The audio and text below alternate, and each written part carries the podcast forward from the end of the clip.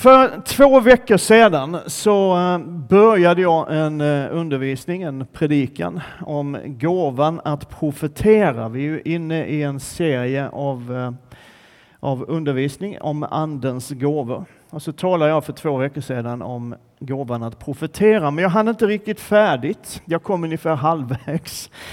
Så jag ska fortsätta idag och ta de sista punkterna Eh, och om du inte var här då för, för eh, två veckor sedan eh, så vill jag bara tipsa om att all vår undervisning, alla predikningar från ena kyrkan finns på vår podcast som finns både på hemsidan och på Spotify.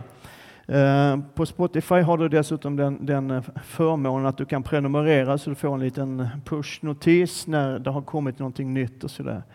Eh, det här låg nere under ett tag när vi körde allting på Youtube, men från och med årsskiftet så ligger all, all söndagsundervisning kommer upp på vår hemsida och på Spotify, så det kan vara bra att veta det, så kan du lyssna i fatt. Ehm, för du behöver faktiskt den första delen av det här för att, att få ihop, ihop det hela, tror jag. Och därför ska jag göra en snabb resumé nu, så snabbt jag nu kan. Ehm, vi sa så här förra söndagen att profetia är viktigt. Gåvan att profetera är viktig. Det är den gåva som Paulus säger att vi helst av allt ska söka. Det finns många olika gåvor, men sök, säger han. Sträv efter kärleken, var ivriga att få de andliga gåvorna, men framför allt gåvan att profetera. Det är väl härligt? Och så sa vi också att kärleken måste vara drivkraften. Ehm, allt som sker i Guds rike måste vara drivet av att ha sitt ursprung i kärleken till Gud, kärleken till församlingen och kärleken till människor. Ehm, Paulus skriver att allt som inte sker av kärlek är utan värde. Faktiskt. Vi kommer till det igen. Och så talade vi lite grann om vad profetia är. Och vi sa att, att ordet profetia, eller att profetera, kommer av ett annat ord som betyder att tala inför någon. Eh, eller att tala på någons uppdrag. Och vi sa att i nytestamentlig mening så betyder ordet att säga någonting från Gud till någon annan eller några andra. Det är enkelt och smidigt så. Och så sa vi att innehållet, liksom själva uppbyggnaden, vad är profetians innehåll? Och den är tre saker primärt. Den är uppbyggelse, den är uppmuntran och den är tröst. Och ordet för uppbyggelse kommer av ett, eh, av ett uttryck som betyder hus eller hushåll. Eh, så det som bygger huset, det som bygger familjen, det som är till hjälp, sånt som ger tröst och styrka, det är profetians innehåll och syfte. Och så sa vi lite kort också vad profetia inte är och vi sa att, att Profetia är inte i första hand vägledning, att någon kommer att tala om för dig vad du ska göra med resten av ditt liv. Liksom, det är inte det som är det primära syftet med nytestamentlig profetia liksom framtidsförutsägare och sånt där. Men jag sa också, det vill jag säga idag också, för det här är så viktigt. Bygg inte hela ditt liv på ett enstaka profetiskt tilltal som någon har, har i ett exalterat ögonblick har sagt ut över dig. Bygg inte bara på en sån grej, för det, det blir inte bra, förstår du. Och så började vi att titta lite grann på hur får man ett profetiskt budskap att förmedla till någon annan. Och vi hann med en punkt där, så, så nu är vi fatt. Lite grann. För vi sa då eh, som den första punkten att du får ett profetiskt budskap genom Guds ord. Alltså Gud talar i första hand och primärt genom sitt ord. Och det behöver vi vända tillbaka till jag sa och jag säger det för jag tror att det är viktigt. Vi behöver bli läsare igen, läsa Guds ord, äta av ordet, ta in Guds ord. Och ibland, alltså all profetia bygger på Guds ord och stämmer överens med Guds ord. Någonting som inte stämmer överens med Guds ord är inte profetia och det bygger på Guds ord. Och vi talade om det här Vikten av att fylla sig med Guds ord så att den helige Ande har någonting att plocka upp i ditt liv, både för din egen skull i vissa situationer, för ibland så får du en profetisk hälsning till dig själv genom Guds ord. Och ibland så får du någonting in i en situation att ge till en annan människa. Och är det Guds ord, liksom börja där. Det är ett bra sätt att börja träna på att profetera, förmedla ett bibelord till någon. Märkvärdigare än så behöver det inte vara. Och grejen är att om du ger ett bibelord till någon så kan det inte gärna gå fel. Eller hur? Så förmedla Guds ord till andra, det är, det är det första. Men man kan också ta emot ett profetiskt budskap genom en bild. En syn, att du liksom för ditt inre ser någonting. En god vän till mig berättade Eh, när hon var i, i en situation som var kämpig och jobbig och liksom var på gränsen att drabbas av depression och utbrändhet och sådär, så, så kom en annan vän. Eh, de satt och bad tillsammans och så säger hennes vän så här att, att jag ser, ser en liten flicka som springer över en äng och håller i ett snöre med en drake där uppe i luften. Och så får jag två ord, sa hon. Bekymmerslöshet och frihet. Och så kom frågan, en profetisk fråga. Var är den flickan nu? Och så, så fick min vän då inse att, att liksom, när man tar på sig allt för mycket av denna världens bekymmer och tar för stort ansvar för allt och alla så kanske man tappar någonting på vägen. Så att en bild kan förmedla någonting till någon annan. Det behöver inte vara konstigare än så. Du ser någonting och du talar om vad du ser och sen så får det vara som det är. Ja, amen. Nej, vi kör på här. Eh, det kan också vara ett ord ett enda ord som dyker upp i ditt inre när du är bön tillsammans med någon. Ett enda ord eller en mening. Jag tror jag berättade, jo det har jag. Om, om eh, den, den afrikanske pastorn som har en, en, afrikansk församling i Stockholmsområdet som satte sig på tåget och åkte ner till Lund för att ge en hälsning till föreståndaren i Lunds pingstförsamling. Den hälsningen var en enda mening och den löste mig ur, ett, ur, ur en jobbig situation. Han bara sa så här, det kommer nya tider. Sen satte han sig på tåget och åkte hem igen. Ja, jag hade ju kunnat ta det där för telefon eller ett brev eller ett e-mail eller någonting. Men han upplevde att han ville förmedla det här personligt. Eh, jag tyckte det var så härligt. Vet du, den konstigaste sån här upplevelsen jag någonsin har haft var när jag, jag var talade i en ungdomskonferens och då förstår du att det här var väldigt länge sedan.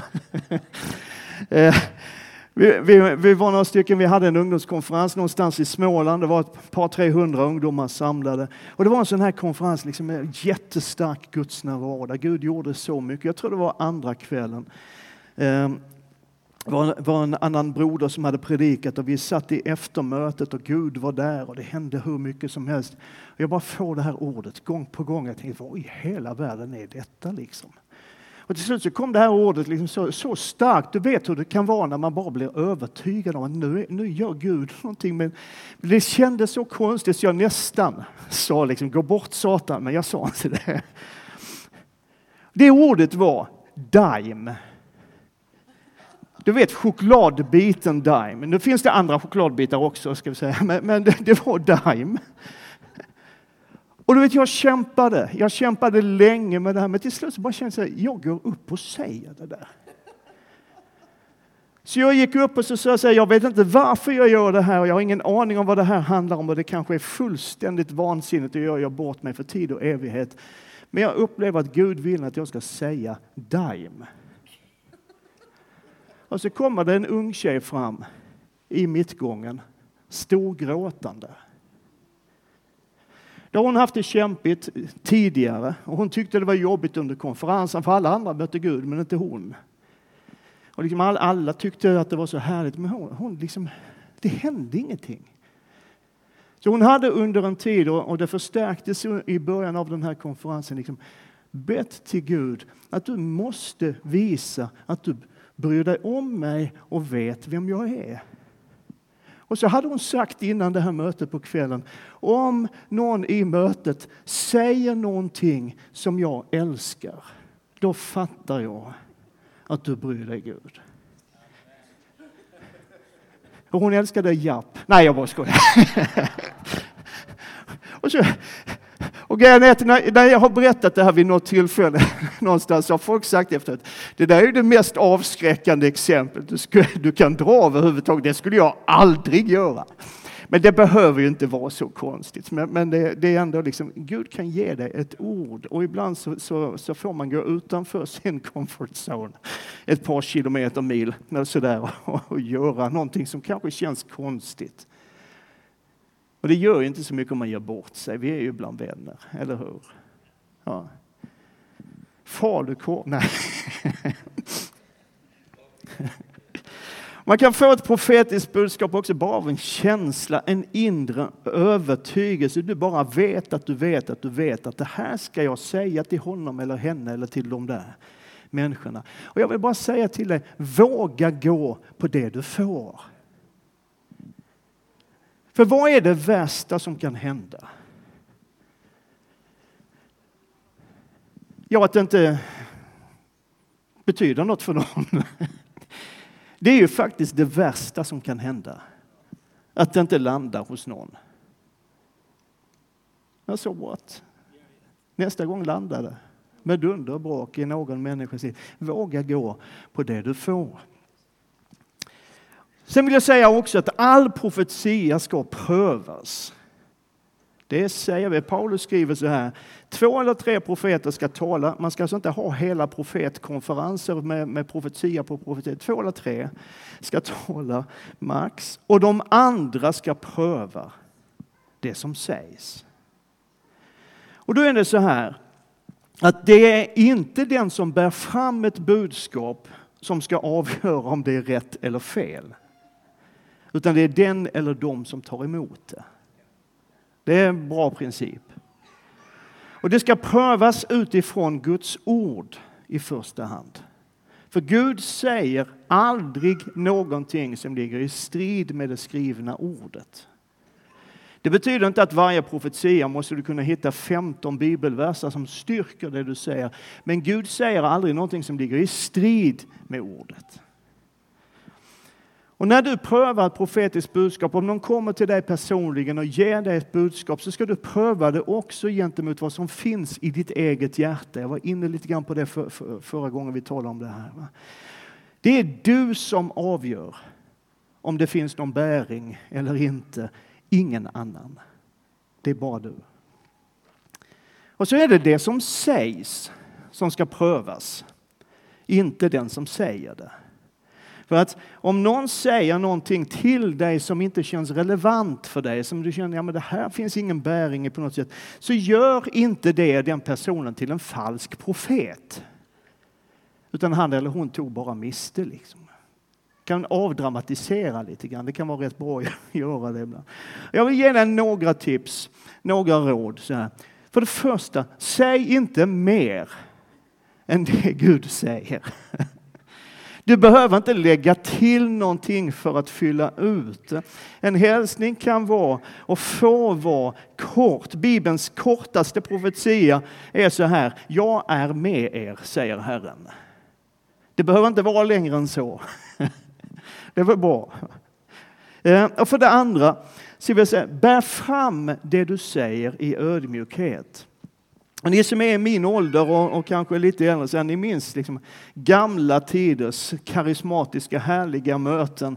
När plötsligt någon reser sig upp, vad som helst i mötet, det spelar ingen roll vilken punkt man var på i mötesprogrammet, och dånar på liksom, så säger Herren! Och ibland så började det liksom med flera minuters lika högljutt tungotal och sen kom det där, så säger Herren. Ehm, och det är ju i grunden, det är inget fel i det. Det är inte det. Men det går ju också väldigt bra att inleda sin profetia med att säga att jag tror att Gud vill säga det här. Eller helt enkelt, jag känner att jag ska säga det här till dig. Vi behöver liksom inte blåsa upp det och göra det så stort och, och märkvärdigt. Utan bara förmedla det du har i ödmjukhet.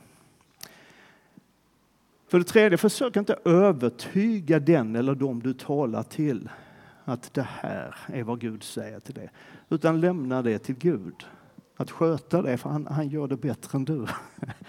Vet, när Jesus hade fötts, eh, herdarna på ängen har fått ta emot det här budskapet om Messias och de går och söker upp Josef och Maria och Jesus. Det står så här, när de hade sett det berättade de vad som var sagt till dem om detta barn.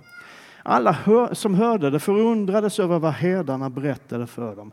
Men Maria bevarade och begrundade allt detta i sitt hjärta. Alltså ibland så kan det ta lite tid för någonting som Gud säger innan det landar. Vi kan behöva bearbeta det, vi kan behöva fundera på det, vi kan behöva be över det. Så bara leverera och sen så lämna resten till Gud. Och i en offentlig gudstjänst, vi har sagt vid några tillfällen och det, det förtjänar att, att sägas. Om det är en offentlig gudstjänst och du känner att du har någonting som du vill säga, som du tror är en profetisk hälsning till församlingen, så be mötesledaren om lov innan du börjar tala. Och det handlar inte om kontrollbehov, det handlar inte om toppstyrning eller detaljstyrning, utan det handlar om respekt och ordning. Det är bara så. Därför att ett profetiskt budskap måste inte föras fram i exakt den sekund som du tar emot det. Paulus skriver att profeternas andar underordnar sig profeterna. Alltså du blir inte försatt i en extas där det som ligger i ditt hjärta måste ut exakt i den sekunden. Det funkar inte så. Utan du kan vänta tills det är dags tills någon släpper fram det. Praktiskt och smidigt. Och så igen då, det viktiga, jag, jag kan inte nog säga det, det är kärleken som är drivkraften. Det är kärleken som är drivkraften. Vi har talat om, om tidigare, jag har upprepat det vid, vid några tillfällen. Gud gav oss den helige Ande på grund av sin kärlek till oss. Han ville vara oss nära. Och man kan inte komma närmare någon annan, någon annan än att man flyttar in med allt vad man har i den människan, eller hur? Gud har gett oss den helige Ande på grund av sin kärlek, sin längtan efter oss. Och då måste det vara kärleken som präglar oss när vi betjänar varandra i den helige Andes kraft. Vi gör inte våld på människor. Vi utsätter inte människor för, för, för liksom kränkande behandling när det kommer till, till, till karismatiska gåvor och till Andens verk. Utan vi handlar och ser varandra i kärlek. Och enda anledningen till att vi säger någonting till någon annan, lyfter fram någonting för någon annan, är att vi älskar den människan. Och vi älskar Guds rike och vi älskar Guds församling. Om jag har profetisk gåva, säger Paulus, vet alla hemligheter, har all kunskap, om jag har all tro så jag kan flytta berg, men inte har kärlek, så är jag ingenting. Så här, om jag får skärpa till det lite grann, är det okej? Okay? Om det inte är kärleken till Gud och kärleken till människor och kärleken till församlingen som driver dig, så vill jag säga till dig, låt bli att profetera. För utan kärleken så har din profetia inget värde alls. Och så vill jag säga avslutningsvis, våga ta det där steget. Du behöver inte börja med att kliva upp på scenen, nu har vi flyttat ner scenen, men du behöver inte kliva fram till scenen då. I en stor gudstjänst, liksom första gången du ska bära fram ett budskap, om du tycker att det känns jobbigt. Eller så. Utan börja i din hemgrupp, eller börja i familjens bönestund. Profetera över dina barn och din fru och din man, det kan de behöva. Men gör det i kärlek. Profetera när du ber med dina vänner. Men våga ta det här steget. För vi sa för ett par veckor sedan att Paulus skriver, ni kan alla profetera. Alla som är troende, alla som är fyllda av den helige Ande kan profetera. Det gör det inte till profet, men du kan profetera. Du kan säga någonting från Gud till någon annan. Så våga ta det steget och våga lyssna in vad Gud säger och förmedla det. Och du som har profeterat, som bär på gåvan men kanske har låtit det gå en ganska lång tid sedan du var i tjänst i din gåva senast.